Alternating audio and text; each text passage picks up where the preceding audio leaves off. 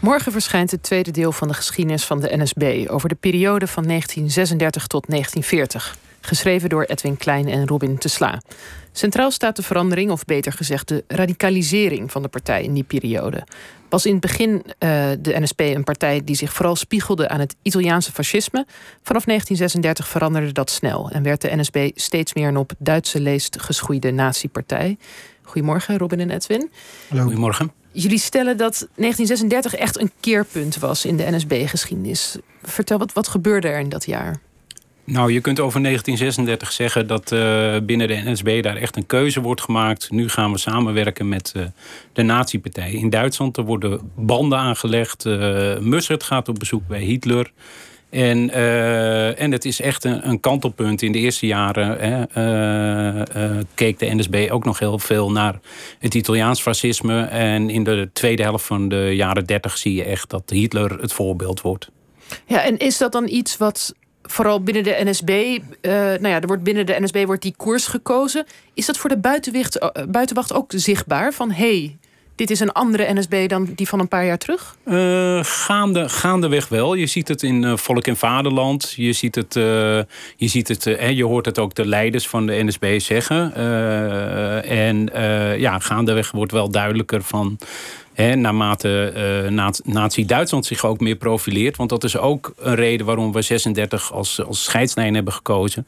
Het is eigenlijk ook uh, de internationale politiek gaat een veel grotere rol spelen in het algemeen. Nazi-Duitsland uh, roert zich in het internationale toneel. En dan zie je dus eigenlijk ook dat de NSB zichzelf veel meer deelgenoot ziet van een internationale revolutie. Ze kijken al meteen over de grens.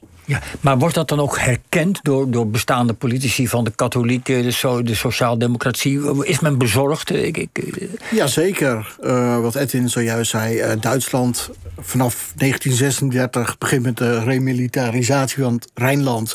Voert Duitsland een steeds agressievere buitenlandse politiek. En dat wordt voortdurend gerechtvaardigd door de NSB. Dus je ziet in de loop van die tweede helft van de jaren 30 dat de NSB door veel tijdgenoten wordt aangeduid als Hitlerknecht en op een gegeven moment zelfs worden gezien als potentiële landverraders. Zoals ook Seis Inkwart dat in Oostenrijk was geweest. Of Quisling in Noorwegen. Ja, en, en nu is het tegelijkertijd dat beeld wat lang heeft bestaan over de NSB. Van dat waren allemaal een beetje gematigde, brave burgermannetjes. Een beetje onbenullen. Uh, niet zo gevaarlijk. Uh, hoe is dit met elkaar te rijmen? Want als je aan de ene kant zegt, het is gevaarlijk... werd dat toen ook, werd dus ook als gevaarlijk gezien? Of is dat hele beeld van brave burgermannetjes... is dat iets van later? Was dat toen helemaal niet? Nee, dat bestond toen niet. Uh, met enige uitzondering misschien bij nog radicalere uh, nazi-splinterpartijtjes. Maar in het algemeen werd de NSB wel degelijk als gevaarlijk beschouwd. En in 1936, eind 36, waarschuwt de Centrale Inlichtingendienst al van nou. Uh, NSB'ers knopen steeds meer contacten aan met Duitse instanties. En daar schuilt een groot gevaar in. En die waarschuwen al voor mogelijk toekomstig landverraad. Dus het wordt eigenlijk binnen regeringskringen en de kringen van de veiligheidsdienst wordt het gevaar al heel vroeg onderkend. En waar komt dan die, die mythe vandaan? Die, die, die enigszins die onderschatting misschien van de NSB, die dus onterecht is? Ja, die mythe uh, zie je vooral dat hij na de oorlog stalte heeft gekregen. Uh, direct na de oorlog heeft Mussert zelf heel veel gedaan om zijn eigen blazoen schoon te poetsen. Dus gezegd, ja, eigenlijk waren wij niet helemaal niet zo radicaal. En uh, ja, ik collaboreerde om, om erger te voorkomen, om de Nederlandse zelfstandigheid te waarborgen. En ja, je ziet in wat je ook ziet in historiografie en het algemeen leven, iemand verkondigt wat en dat wordt overgenomen. En langzamerhand is dat beeld gegroeid dat de NSB een gematigde pseudo-nationaal-socialistische partij zou zijn... met Mussert aan het hoofd als een soort tegenstribbelende collaborateur. En toen jullie pak een beetje elf jaar geleden aan deel 1 begonnen... Had, speelde dat beeld ook in jullie hoofd? Het, het, het was een relatief gematigd burgermansclubje?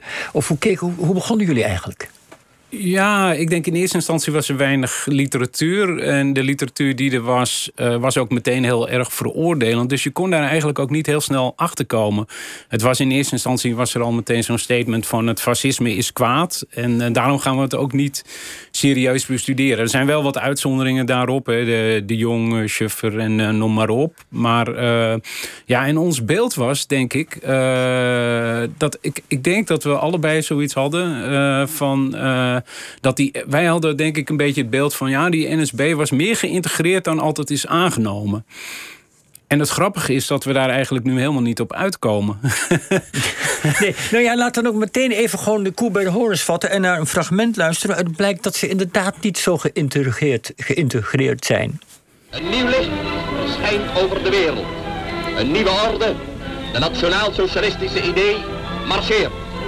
De kracht van het nationaal-socialisme is de eenheid van het volk en zijn rasbewustheid.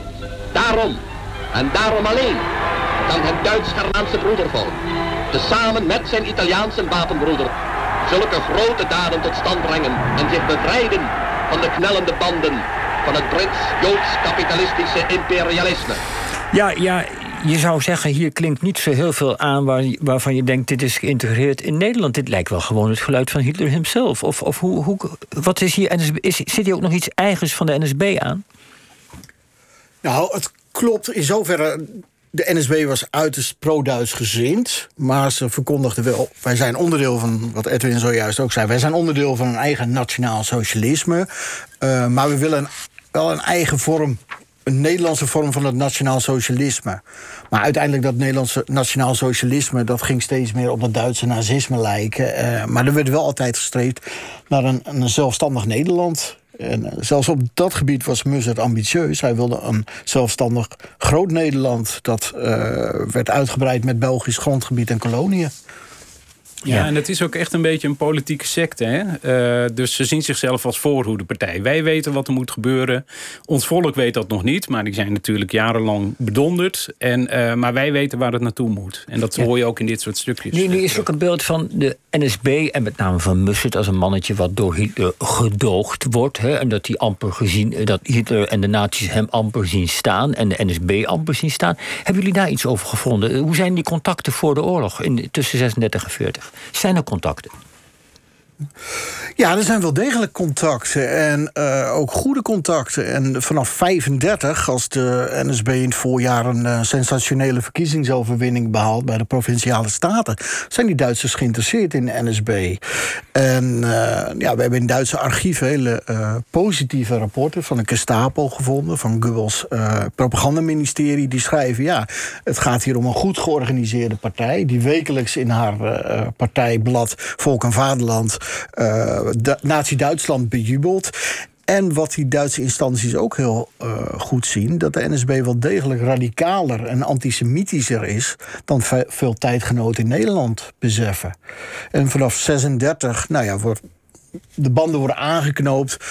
Uh, Muzzert en Rost, uh, dat is een heel duidelijk teken ervan. Die worden ontvangen door Hitler en andere kopstukken. En uh, ontstaat een, vanaf die tijd een heel netwerk van contacten tussen de NSB en Duitse instanties. Want werken ze ook echt samen? Zijn daar voorbeelden van bijvoorbeeld? Dat ze Um, ja, er zijn uitwisselingen op verschillende niveaus. Bijvoorbeeld de NSB heeft een, uh, een nationale werkgeversvereniging... en een vrouwenorganisaties. En er vinden uitwisselingsreizen plaats. NSB'ers, nou, eigenlijk wat betreft de Duitse programma, uh, propaganda... stellen zich voortdurend in Duitse dienst natuurlijk wekelijks... rechtvaardig zijn wat Duitsland binnenland en in de buitenlandse politiek doet.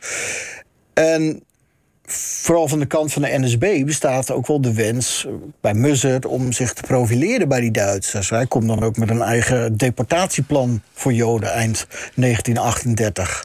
Muzzert had een eigen plannetje gemaakt hoe de Nederlandse Joden in Nederland uit moesten? Nou, uh, eigenlijk alle uh, Joden die de Europese staten niet meer wensten herbergen. En hij kwam met het plan kort na de Rijkskristalnacht, toen ja, die stroom van Joodse vluchtelingen natuurlijk steeds groter werd. En ja, Goebbels had gesproken over een internationale oplossing die er moest komen. Uh, Rosenberg die had gezegd, nou, die Joden moeten ergens buiten Europa, ver afgelegen, worden gehuisvest. En Mussert ziet kans om zich te profileren en komt met een, uh, met dit, een eigen plan. Ja, en, waar, waar, ik ben dan wel benieuwd, wat was zijn plan? Ik bedoel... Um, hij stelde voor om in uh, Zuid-Amerika, in Suriname en Frits en Brans-Guyana een, een Joods nationaal tehuis uh, op te richten. Ja, lees reservaat, waar op den duur alle Joden uit Europa gevestigd zouden moeten worden. Ja, dit klinkt allemaal heel erg naar uh, wat de uh, biograaf van Hitler, uh, Kershaw, noemt de vuren hinzuarbeiten, naar de vuren toewerken. Dus een Nederlands mannetje, een man, moet ik zeggen, politicus, die zit al goede sier te maken met de vuren met plan. Dat is, dat is nogal wat. Schokken jullie dat toen jullie dat tegenkwamen? Um, nou, dit was, voor een deel was dit al bekend in de literatuur. Maar wij wisten niet dat, het, dat die samenwerking zo intensief was. Ze leveren ook gewoon informatie aan de nazi-propagandadienst... Uh, over bijvoorbeeld de Nederlandse perschef en uh, Joodse antecedenten. Dat wordt gewoon onderzocht door het hoofdkwartier in Utrecht. Dus ik denk dat die samenwerking... en dat, dat is veel intensiever dan dat wij altijd hadden kunnen, kunnen, kunnen denken, zeg maar. En ja, als je echt gaat kijken naar... Kijk, Mussert biedt zichzelf eigenlijk al aan als uh, toekomstig leider van Nederland. Uh, dan hebben we het over halverwege 1939. He, die oorlog is nog niet eens uitgebroken. Meneer Mussert biedt zich al aan als toekomstig uh, leider. En dat, ja, dat doet hij meerdere malen. Hij is al helemaal aan het voorbereiden op, op de nieuwe tijd. Zijn partij maar, maar gaat hij er dan ook van uit, Mussert, dat de Duitsers Nederland gaan bezetten of in zijn ogen misschien bevrijden? Ja, ik denk dat je wel kunt zeggen vanaf februari 1940 zegt hij ook: het gaat oorlog worden. Nederland wordt daarbij betrokken.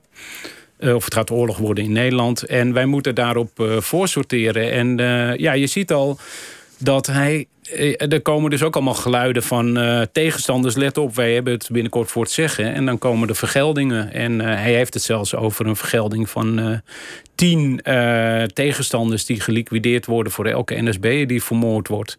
Dus dat wordt gewoon al aangekondigd. Ja, is het allemaal niet niks. Als we nog even een paar jaar teruggaan, hè, pak een beet 37, 38, dat die NSB antisemitisch wordt. Ze worden er niet populairder door, geloof ik, in Nederland. Nee, absoluut niet. Uh, veel ne Nederlanders uh, ja, erkennen dat, ja, dat antisemitisme... bestaat in Nederland natuurlijk wel uh, milde vorm van antisemitisme... maar dat antisemitisme van de, Duits, van de NSB... dat is steeds meer op Duitse lees geschoeid. En uiteindelijk ja, streven ze naar een jodenvrij Nederland. En uh, ja, wat we net hadden, dat plan, dat past niet in Nederland. Goed, Edwin Klein en Robin Tesla, ik wil jullie bedanken voor jullie komst. Uh, ja, de kanteljaren zijn nu beschreven. Er komt nog de hele oorlog. Dit boek heet uh, De NSB, Twee Werelden Botsen, 1936 tot 1940. En dit was OVT voor deze